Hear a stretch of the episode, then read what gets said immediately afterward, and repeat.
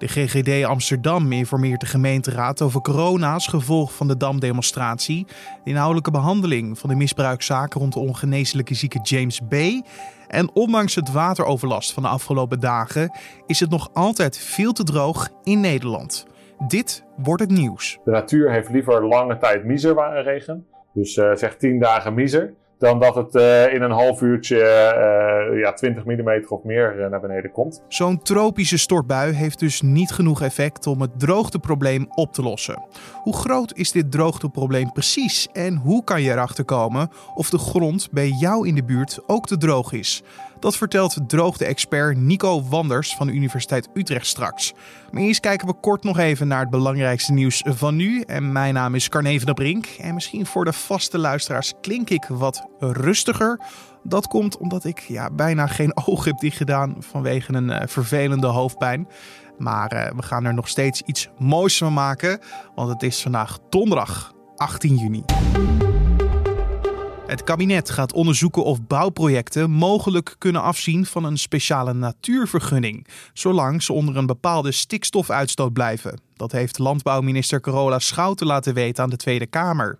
Daarmee reageert het kabinet op kritiek uit het eindrapport over het stikstofprobleem van de commissie Remkes. Die stelde een drempelwaarde voor de bouw voor, omdat zij relatief weinig stikstof uitstoten, maar wel hard geraakt worden nadat het afgekeurde stikstofbeleid de vergunningverlening stillegde. Het ministerie van Landbouw gaat nu onderzoeken of zo'n drempelwaarde mogelijk is. Met het huidige kabinetsbeleid neemt de armoede in Nederland de komende jaren met ruim een kwart toe. Van 5,3 naar 6,8 procent van de bevolking. Dat blijkt uit een onderzoek naar armoede van het Sociaal Cultureel Planbureau en Centraal Planbureau. Deze stijging komt voornamelijk door de jaarlijkse verlaging van de bijstandsuitkering, waardoor een steeds groter deel van de bijstandsgerechtigden onder de armoedegrens komt. Bij het onderzoek zijn de economische effecten van de coronacrisis nog niet meegenomen, omdat het nu nog niet mogelijk is om in te schatten wat de langetermijngevolgen daarvan zijn. John Bolton, de voormalig veiligheidsadviseur van Donald Trump, stelt in zijn boek dat de Amerikaanse president voor veel meer aangeklaagd had kunnen worden tijdens de impeachmentprocedure vorig jaar. Dat blijkt uit voorpublicaties in de Wall Street Journal en de New York Times. In zijn boek schrijft hij dat de president meerdere keren bereid was om strafrechtelijke onderzoeken af te blazen. De reden die Bolton hiervoor geeft is om dictators die hij mocht een plezier te doen, zoals de Turkse president en de Chinese president. Het boek had eigenlijk dinsdag al uit moeten komen, maar de publicatie werd vertraagd omdat de Amerikaanse regering een rechtszaak aanspande. Het boek zou veel vertrouwelijke informatie bevatten die de nationale veiligheid in gevaar brengt. De politieagent die vrijdag een zwarte Amerikaan doodschoot op de parkeerplaats van een fastfoodrestaurant in de stad Atlanta, wordt aangeklaagd voor moord. Een onafhankelijk autopsierapport bewees dat de 27-jarige Brooks was overleden door twee kogels in zijn rug. Als de agent wordt veroordeeld, zou hij mogelijk een levenslange celstraf opgelegd kunnen krijgen. Of volgens persbureau Reuters zelfs de doodstraf. De dood van Brooks veroorzaakte een nieuwe golf van protesten in de VS. Daarbij werd ook het fastfoodrestaurant waar Brooks om het leven kwam in brand gestoken. Wateroverlast in delen van Nederland door noodweer. KNMI waarschuwt voor fors onweer in het noorden. Ondergelopen straten in Weert na hevige regenval. En noodweer in Nederland. Kanoën op straat en wateroverlast. Dat zijn zomaar wat berichten die je de afgelopen week op nu.nl kon lezen over het regenachtige weer waar we mee te maken hebben. Maar ondanks de ondergelopen straten en het water dat nergens heen lijkt te kunnen, is het nog altijd te droog in Nederland. Dan vraag je je misschien af: wanneer praten we dan eigenlijk over droogte? Wat is dat dan? Nou, collega Julien Dom vroeg dat aan Nico Wanders, droogte-expert bij de Universiteit Utrecht. Nou, we praten over droogte als je het hebt over een afwijking van het normaal. Dus uh, ja, de zomer is bijvoorbeeld altijd droger, maar nu is het uh, wel extra droog. En uh, ja, op dat moment praten we dan over een droogte. En extra droog. ik zag bijvoorbeeld de laatste paar, nou, als ik een week geleden eventjes denk, dan was het gras bij mij in de buurt was vooral geel.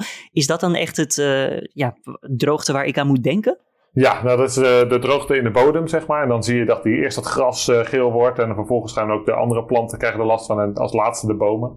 Uh, ja, en dat hangt ermee te maken dat hoe, als het een langere tijd droog is, dan zit er nog eerst water in de, in de bodem. En dat kunnen die planten lekker gebruiken. Maar als dat lang aanhoudt, ja, dan wordt dat gras geel. en ja, dat zien we dan ook meteen om ons heen. En dan hebben we echt te maken met een droogte, ja. Tot hoe diep trekt gras water uit de bodem? Uh, gras tot een centimeter of 10, 15. Uh, ga je naar andere planten, kom je al snel tegen de 30 centimeter aan. En bomen gaan tot anderhalve meter of soms zelfs nog dieper. Uh, dus ja, die bomen hebben eigenlijk meer, meer water of bodem om, om water uit te halen. Dus die kunnen er vaak nog langer tegen. Het nadeel is alleen, als zij dan op een gegeven moment ook last krijgen van zo'n droogte, dan is het vaak wel heftiger en duurt het langer voordat ze weer genoeg water uit, uit de hele bodem kunnen halen om weer groen te worden en ja, er goed bij te staan. Nou, de afgelopen dagen hebben we wat flinke plensbuien gehad hier in uh, Nederland. In hoeverre lost dat het droogteprobleem op op korte termijn? Ja, nou je ziet het, het, gras wordt op sommige plekken alweer groener van dat, dat extra, die extra regen die gevallen is. Maar omdat die, de regen in hele korte intensiteit komt, uh, heeft het maar beperkt zin. Dus eigenlijk heeft de natuur heeft liever lange tijd miserregen. Dus uh, zeg 10 dagen miser. Dan dat het in een half uurtje ja, 20 mm of meer naar beneden komt. Uh, want dat water kan niet allemaal de bodem intrekken. Er is maar een beperkte ja, hoeveelheid water die de bodem in kan per uur. Uh, en als dat meer is, dan gaat het simpelweg stromen. En dan zie je het of plassen vormen zich, of het stroomt richting het riool, of uh, spoortunneltjes of straten die onderlopen. Ja, de beelden die we hebben gezien van inderdaad straten die helemaal blank staan, dat komt gewoon simpelweg omdat de grond het niet aan kan op dat moment. Ja, inderdaad. Dat in combinatie met sommige plekken dat natuurlijk ook tegels liggen en dan kan het ook de grond niet in. maar het is gewoon die combinatie en ja, dat helpt dus maar beperkt. Want al die straten die onder staan, dat gaat uiteindelijk het riool in. Of de sloten en dat gaat richting zee. Dus dat gras uh, wat Geel zag, dat heeft daar maar beperkt iets aan. Want dat, ja, op een gegeven moment is het water weggestroomd helaas uh, met zulke heftige buien. En volgens mij, wij Nederlanders, we houden niet echt van tien dagen miserregen achter elkaar. Dan zitten we snel te klagen. Nee, persoonlijk ben ik er ook niet van. Maar uh, voor de droogte is het uh, het beste omdat het dan gewoon heel rustig die bodem in kan trekken. Uh, en die planten het heel goed kunnen opnemen. hetzelfde geldt voor de gewassen van boeren. Uh, langzaam en dan vult het het uh, rustig aan en hebben we er ook langer wat aan. Dat is het voordeel. Hoe groot is het droogteprobleem nou in Nederland? Want als ik eventjes uh, naar een neerslagtekortkaartje kijk van het KNMI, zag ik dat we dit jaar echt een extreme, extreem jaar hebben. Erger dan het recordjaar van 1967. En nou, daarmee beantwoord ik misschien enigszins mijn eigen vraag, maar om aan jou te stellen, hoe erg is het dit jaar? Ja, nou, we zien inderdaad dat we op dit moment uh, boven het recordjaar zitten in 1976. Um, voor deze tijd van het jaar. Dat jaar ging uiteindelijk nog door naar een hele droge zomer ook nog de rest van de tijd. En we weten op dit moment simpelweg niet hoe dat eruit gaat zien. Uh, de komende tijd lijkt het iets minder uh, droog te worden. Uh, nou, voor de komende twee weken. maar die bodem is wel al droog. Dus er zit al een deel van het probleem is er al. En dat, moeten we, ja, dat moet je deels oplossen door extra regen dit jaar zien we dat eigenlijk de regen niet eens het, grote probleem is. Het is vooral heel veel extra verdamping door al die zonneuren die we gehad hebben. Terwijl iedereen thuis zat in lockdown. Uh, ja, we hadden heel veel zon en heel veel verdamping. En uh, ja, alle regen die valt, die kan ook weer verdampen. En hoe meer er verdampt, uh, hoe slechter dat is voor de droogte. En dus ook dat neerslagtekort. Dus we hebben eigenlijk niet eens minder regen dan in voorgaande jaren, of wel? Uh, nou, de maanden maart, april, mei wel. Maar daarvoor was het heel nat. Februari was historisch nat. Dus in dat opzicht, uh, als je naar de natuur kijkt. Maar je hebt vooral die extra verdamping die op dit moment een grote rol uh, heeft gespeeld. En ook, ja, nu vult het zich weer langzaam aan. Nu wordt het, is het weer wat, dat neerslagtekort stabiliseert een beetje. en ook de Rijn zie je iets meer water in, in staan dan hiervoor. dus dat zijn allemaal goede tekenen. Maar ja, als we nu, we zijn nog niet op het hoogtepunt van de zomer. meestal zijn dat de maanden juli, augustus waarin het echt veel verdampt en echt warm is. En dat zijn natuurlijk uh, in dat opzicht dan de topmaanden om uh, ja, water te verliezen. Maar wat verdampt komt toch ook weer naar beneden? Of uh, hoe zit ja. dat dan? Heel goed opgemerkt. Nee, dat verdampt komt in principe weer naar beneden. maar dat hoeft niet bij ons naar beneden te komen. Dat kan ook naar het oosten of het westen waaien. stel we hebben oostenwind en hier verdampt lekker al het, al het, al het water verdampt van het land. Dan vormt dat mooie wolken. Maar als die vervolgens richting de Noordzee uh, worden geblazen en daar, uh, daar uitregenen, dan hebben wij er als Nederlanders niks aan. Als we diezelfde oostenwind hebben, dan komt al onze regen van nou, Duitsland, Polen, uh, Rusland die kant. En dat zijn meer landregio's en daar komt over het algemeen al minder water vandaan. Dus dat is vaak drogere, een drogere lucht, een drogere lange tijd. Dus dat is eigenlijk wat slecht is. En dan blaast het ook nog eens al die verdamping richting de zee. Dus ja, dat, uh, dat helpt niet per se. Dat zijn we dan wel gewoon kwijt. Simpel. Dat zijn we kwijt, ja. ja. Soms krijgen wij weer water van anderen op die manier. Dus. En uh, nou, je noemde de boeren net al eventjes. Uh, in hoeverre hebben zij last van dit droogtejaar of misschien droogte in het algemeen? Uh, nou ja, in 2018 hadden ze, was er een droogte. En 2019 ook zeker in de hoge zandgronden. En dan bedoel ik mee Gelderland, Overijssel, maar ook Brabant. en ook dit jaar begon heel slecht voor de boeren. Want die zijn echt afhankelijk van dat neerslag. Of ja, die kijken echt naar dat neerslagtekort. want die planten, ja, zoals ik al zei, die, die willen neerslag. Die willen, ja, die willen water in de wortels. En dat willen ze dan verdampen. Maar op het moment dat die planten heel veel willen verdampen. Omdat het lekker warm en zonnig is uh, maar er is er geen water, dan gaan ze, gaan ze dood. En je zag ook best wel veel van die sproeikanonnen al uh, in april, mei uh, op het land staan. En dat is gewoon heel vroeg. Normaal verwacht je dat eerder richting juli, augustus. en dat was nu wel uitzonderlijk dat dat zo vroeg al aan, de, hand was. Nou tappen boeren soms ook grondwater af, toch? Dat lijkt me dan het probleem alleen maar erger maken. Uh, nou, het, in zekere zin voor hun, uh, zij pompen grondwater op, brengen dat op hun land en dat verdampt natuurlijk weer deels of gaat verloren op een of andere manier. Dus het, het is een tijdelijke oplossing voor hun droogteprobleem. Uh, het nadeel is dat het op de lange termijn niet helpt, want ja, inderdaad, je, trekt dat, je ja, maakt het grondwater leger. en dat is uiteindelijk onze lange termijn buffer als we in een, een droge zomer zitten. dus ja, op de lange termijn heeft het een negatief gevolg. Op de korte termijn kan het winst hebben. Dus het hangt er helemaal vanaf hoe lang die droogte blijft voortbestaan. Uh, of het ja, positief of negatief was in dat opzicht. En die buffers die je noemt, enig idee hoe we er momenteel voor staan voor de rest van het jaar? Kunnen we wat hebben? Kunnen we een droge zomer aan? Uh, nou ja, omdat dat voorjaar zo droog was uh, en omdat heel veel uh, ja, planten en andere dingen al uit het water, uit het grondwater hebben getrokken, staat het grondwater relatief laag voor de tijd van het jaar ook. Dus ook voor dat, in dat aspect staat het niet goed voor. en dat moeten we, nou, we moeten hopen dat dat zich de komende weken, maanden aanvult. Want dat is uiteindelijk de buffer die je normaal hebt voor de zomer. Want het, ja. En wat kunnen we daar zelf aan doen om uh, te helpen dat we ja, meer water in de grond krijgen? Ik zou zeggen, de kraan niet open laten staan uh, in je tuin, maar nee, wat, wat, helpt wel? Nou ja, inderdaad, drinkwater in je tuin uh, sproeien, dat helpt. Dat, dat drinkwater wordt gewonnen in grote delen van het land uit grondwater, dus dat helpt niet per se. Maar zorgen dat er genoeg planten en dergelijke zijn en zo min mogelijk tegels, dat als het regent, dat het water de grond intrekt rustig. Uh, tegelijkertijd kun je ook uh, de, daken, sommige daken, die uh, wateren af op het riool. wat je ook kan doen is die loskoppelen. Dus zorgen dat het niet op het riool komt, maar in je tuin of ondergronds in je tuin. En dat gebeurt in veel nieuwbouwwijken al. En op die manier kan het rustig, heeft het rustig de tijd om, om erin te, in, in die grond te sijpelen. dus dat is een, positief aspect. Ja, en natuurlijk, als wij minder water gebruiken, puur vanuit de kraan, dan hoeft ook minder grondwater opgepompt te worden voor drinkwater. En ja, dat helpt natuurlijk ook. Simpel gezegd, even het kraantje dicht als je het dan aan het poetsen bent. Zeker, ja. Dat, uh, dat en korte douchen en al dat soort dingen. Ja, dat, uh, dat zijn gewoon kleine maatregelen. Maar uh, ja, op de grote, ja, het grote beeld helpt dat wel iets.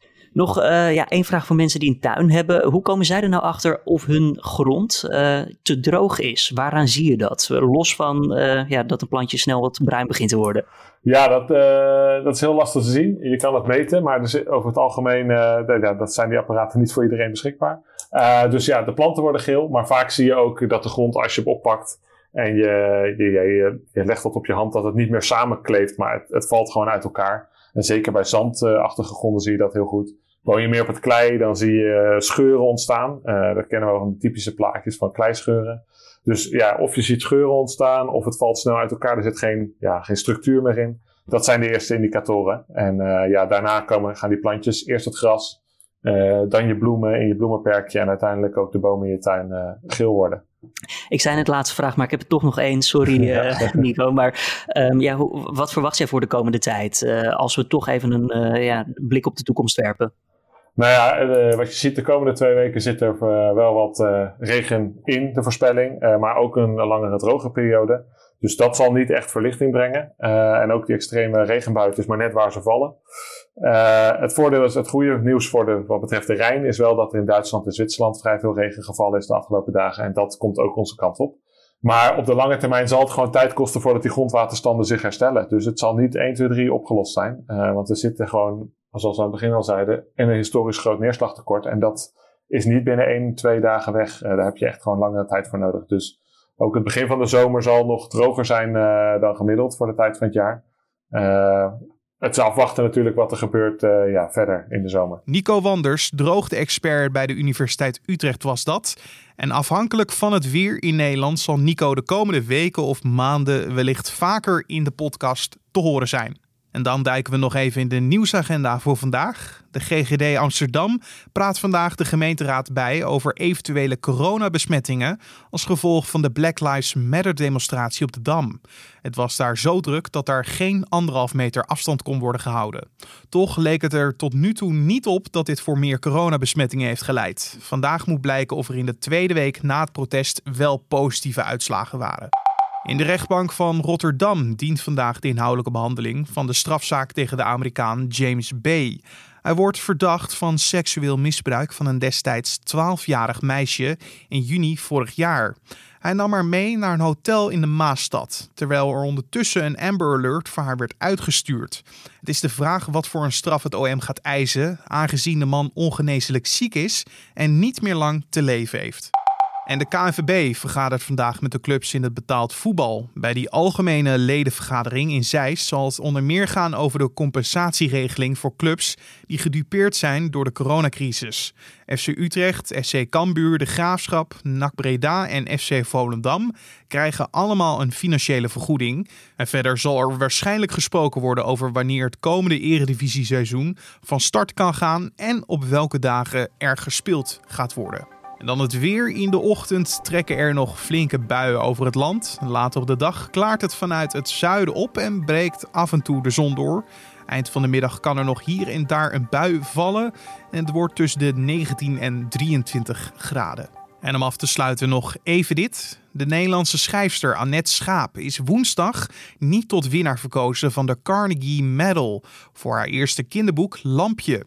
De prijs ging naar Anthony McGowan met zijn boek Lark. Dat werd bekendgemaakt in het BBC-radioprogramma Front Row.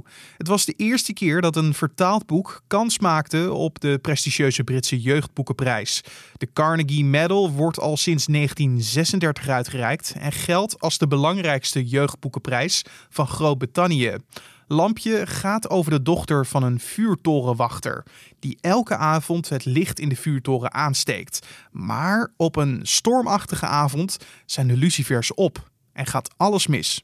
Geen Britse prijs dus voor Annette Schaap, maar gelukkig heeft ze wel al vele Nederlandse prijzen in de wacht gesleept.